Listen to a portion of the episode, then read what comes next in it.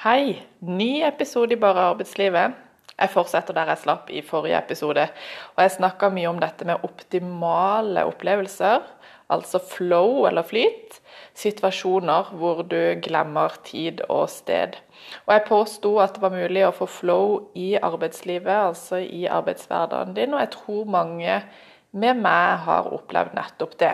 Særlig knytta til det å ha mye å gjøre og jeg tror det gir en viss flow å løpe fra det ene møtet til det andre, og på slutten av dagen si til seg sjøl at jøss, jeg klarte det.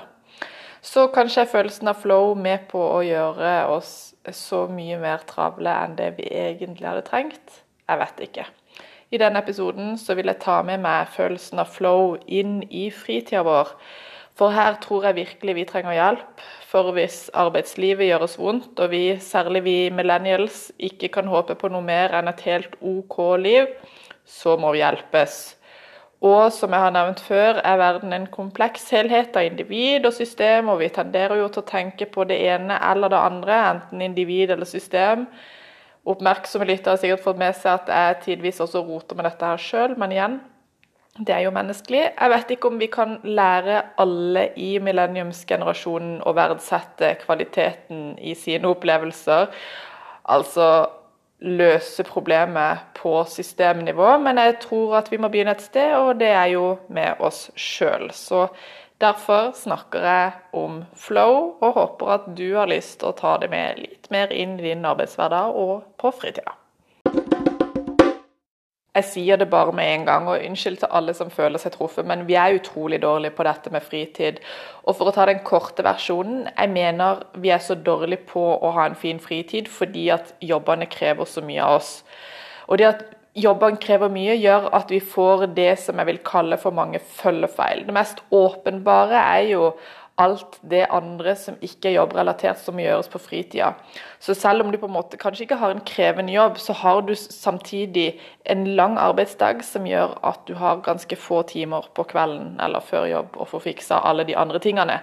De som har eller har hatt barn og hatt to foreldre i full jobb, vet jo hva jeg snakker om. Det er nesten ikke overkommelig. Men det som ikke er like åpenbart, er jo at jobben på ulike måter koker hodene våre. og Her er det selvfølgelig mange variasjoner der ute, og grunnene kan være ulike. Men symptomene syns jo å være ganske klare. Vi bruker vanvittig mye tid på å scrolle på mobiltelefonene våre eller å titte på TV på kveldstid.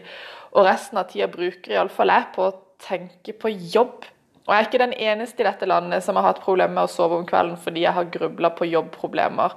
Lystbetont veldig gjerne, ja, men det er veldig slitsomt, særlig dagen etter, når man åpenbart lider av for lite søvn. Og hvis du har en jobb hvor du kan legge fra deg jobben når du går ut døra på arbeidsplassen, så tipper jeg at du kan kjenne på at du blir sliten da også. Om det så er bare fordi at du har en viktig oppgave som krever mye av deg der og da og sjefen helst vil at du skal jobbe enda raskere og sjonglere enda flere oppgaver oppå den du allerede har. Eller fordi du har en meningsløs jobb og stirrer i tak og vegger hele arbeidsdagen og håper at dagens 7,5 timer vil gå ørlite raskere enn det de gjorde i går. Kanskje er det urettferdig av meg å klage. Sammenlignet med andre land så jobber vi jo ikke så mye. Men det er også urettferdig å si at vi har så mye fritid, for vi evner jo faktisk ikke å bruke fritida fritida til nettopp fritid. Og dette er i mine øyne et folkehelseproblem. Og hvis ikke vi begynner å endre på dette, jobbe mest mulig fordi vi trenger skattepengesystemet, så kommer regninga til å vokse i årene som kommer, helt sikkert. La oss hoppe ti år frem i tid. Vi våkner opp en dag, og jeg har fått det som jeg vil. Vi jobber ti timers uker, alle jobber fem timer to dager i uka. La oss snakke mer om hvordan dette kan skje i praksis i en annen episode, men la oss først nå fokusere på fritida. For plutselig så har vi jo da mye mer fritid, og i stedet for fem dager på jobb og to dager helg, så har du to dager på jobb og fem dager helg. Og det er helt fantastisk, tenker jeg. Grusomt, tenker kanskje du, og kanskje har du rett i det. Umiddelbart så tenker jeg jo at ulykkesstatistikken i Norge ville gått opp. Folk, dør jo i sommerferien fordi de ikke tenker seg om. Stupfulle faller de over baugen på båten. når de må tisse. Og det sies jo at de fleste ulykker skjer i eget hjem. Arbeidsplassene våre i dag er gjort så fantastisk trygge, heldigvis. Men det gjør jo kanskje noe med oss at vi lever i en så trygg hverdag. Det er jo nesten som vi går i en slags barnehage bare for voksne. Så det å skulle ha mer fritid og slippe en hel haug med uansvarlige voksne ut i denne verden på egen hånd, kan faktisk bli farlig. Jeg vet ikke. I motsatt fall så kan det bli veldig kjedelig. Vi har jo all verdens teknologi og muligheter som trekker oss hjem og inn i vår egen stue. Vi kan få levert mat, klær og underholdning rett hjem. Så det kan jo hende det blir rett og slett veldig folketomt der ute. Litt sånn som i dag. Og dette er jo ganske pessimistiske utfall. En mer positiv utfall er jo at vi vil få en oppblomstring av kreativitet og frivillighet ting som vi mennesker gjør, på tross av at ikke de gir noen penger i kassa. Jeg tror jo at de beste bøkene aldri blir skrevet fordi vi ikke har tid eller rom til det. Og jeg tror også at vi vil få mye mer tid til hverandre. Vi kunne jo pleie forholdet. Pleie oss sjøl og faktisk ha tid til å oppdra barna våre og tatt vare på de eldre. Som vist i episode tre, så vil vi jo kunne leve et lengre og bedre liv hvis vi jobber mindre og får mer tid sammen. Men for å komme der, så er det en del ting vi må avlære oss. Og jeg tror den viktigste er at fritid ikke bare skal handle om jobb. La meg ta et eksempel. Da jeg begynte å padle kajakk for to år siden, så ble jeg ganske umiddelbart frelst. Det er jo en veldig fin treningsform som gir fantastiske naturopplevelser, og den er helt uten teknologi som gjør at man virkelig får tid til gode samtaler hvis man padler sammen, eller en god dose alenetid hvis man padler alene. I tillegg så får man jo muskuløse armer, iallfall når man padler med armene og ikke kroppen. Nå er det jo anbefalt å padle med kroppen, og det lærte jeg heldigvis etter hvert. Uansett, jeg fant fort ut at jeg ville padle så mye som mulig, og etter hvert som liksom tankene vandra, så prøvde jeg å finne måter å få mer tid i kajakken på. Jeg tenkte at jeg kunne jo ta flere kurs, kanskje skulle jeg bli instruktør, og på sikt så var det jo sikkert mulig å jobbe med kajakk. Det måtte jo være en måte å jobbe med kajakk på. Og så enkelt som det, så prøvde jeg altså å gjøre en fantastisk hobby om til noe å leve av. Kun i hodet, vel å merke, men veldig typisk. Heldigvis oppdaga jeg hvilken vei mine tankegrublerier var på vei. Og da lova jeg meg sjøl at denne kajakkhobbyen skulle kun være for meg sjøl. Jeg skulle ikke kurse noen, jeg skulle ikke padle for noen andres del, kun for min egen del og ha det gøy når jeg sjøl ville det. Som jeg nevnte i forrige episode, var jeg jo i flow i jobben min, så det var jo ikke nødvendigvis noe galt med den, men det kunne bli litt mye PC-skjerm og tasting. Og da lengter man jo ut. Og i løpet av ti minutter så kan man altså klare å overbevise seg om at kajakkinstruktør, ja, det hadde vært et arbeidsliv som det var verdt å leve for. Så jeg vet ikke helt hvilken kraft heller som var sterkest. Om det var kajakken som tiltrakk meg som en jobbmulighet, eller 2000 arbeidstimer i året foran en PC-skjerm som dytta meg bort. Antageligvis litt av begge deler. Flow er jo denne flytende, optimale opplevelser som kan oppstå når du spiller fotball, sjakk og tennis. Eh, med en verdig motstander, altså noen som er ganske like som deg sjøl. Og så snakka jeg jo i forrige episode om dette med å gjøre litt mer ekstreme ting. Skrive ekstremt mye rapporter eller klatre i bratte fjellsider. Og Det kan jo virke litt som at man må ha en motstander eller en ekstrem side for å oppnå flow, men jeg tror i teorien at du kan oppnå flow med egentlig hva som helst. F.eks. når du smører brødskiva di eller feier gulvet. Det er kvaliteten i opplevelsen som teller. I tillegg så må du jo utfordre deg passe nok i den aktiviteten du holder på med. Shokei Matsumoto, en japansk buddhistmunk som faktisk er så nymotens at han er på Twitter, visstnok, har bl.a. lagd en liten bok om hvordan å rengjøre huset som en buddhistmunk. Og munkene de feier gulvet to ganger hver dag. Morgen og kveld. Og I tillegg så pusser de alle gulvene sine med en fuktig klut i løpet av dagen. Uten å snakke med hverandre, så samarbeider de da om de daglige rengjøringsoppgavene. Og For meg så virker det som om det er dette de egentlig bruker store deler av dagen sin på. En berømt munk, som Shawkey beskriver, skal visst oppnådd nirvana mens han vasker gulvet. Snakk om flow. Og dette driver vi altså betaler andre for å gjøre for oss.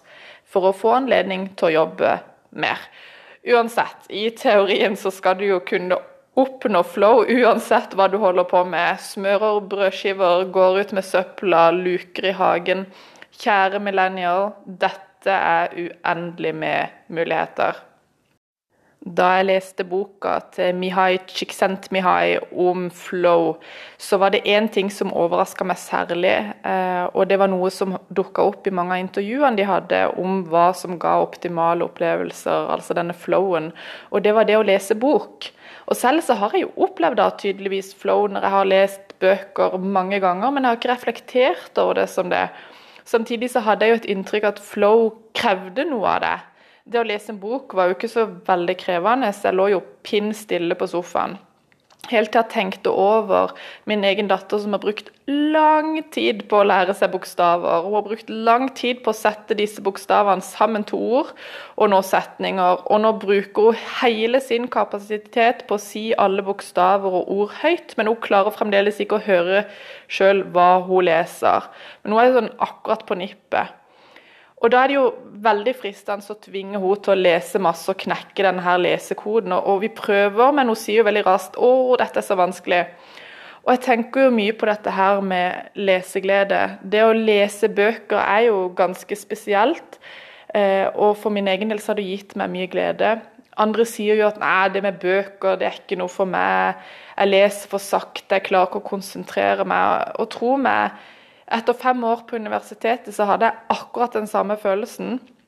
Etter å ha nilest 40 bøker i semester, så orka jeg ikke engang å se en eneste bok. Og Statistikken viser jo at vi blir dårligere og dårligere til å lese bøker. Og det er veldig synd, for det er mye leseglede der ute som ikke blir realisert. Og jeg tror at når vi driver og pusher folk til å lese, lære seg å lese eller lese ting de ikke har lyst til, så drepes jo denne her lesegleden det som gir optimale opplevelser for én, gjør jo ikke det for noen andre. Det finnes jo folk som antageligvis får skikkelig flow av fluefisking eller rollespill eller hva enn som vi kan, vanlige dødelige kanskje syns er ganske rart og litt unormalt. Og da er det vel kanskje heller ikke så veldig langt ifra at jeg kan ende opp med å pushe min flow-opplevelse på de rundt meg og min egen datter. Og kanskje hadde det ikke gjort så veldig mye i det store og det hele hvis hun hadde endt opp med å hate fotball. Men det å pushe på leseglede, eh, eller det å delta i samtaler, kan jo gi ganske store følger for henne i sitt liv. Hvordan skal hun kunne klare seg på skolen eller i arbeidslivet hvis hun hater å lese eller nekter å delta i en samtale fordi at det har pirka på hvordan hun uttaler ordene sine hver bidige dag. Det er kanskje rett og slett da vi har kommet rundt til at flow, det handler om hva det du har sjøl lyst til å gjøre. Det er en intern motivasjon og det er det rett og slett du sjøl som må finne ut av hva du ønsker å bruke din flow-kapasitet til. Det er nok uhyre sammensatt hvorfor vi blir så dårlige på fritid. Kanskje tar jeg feil, kanskje er vi dritgode på fritid.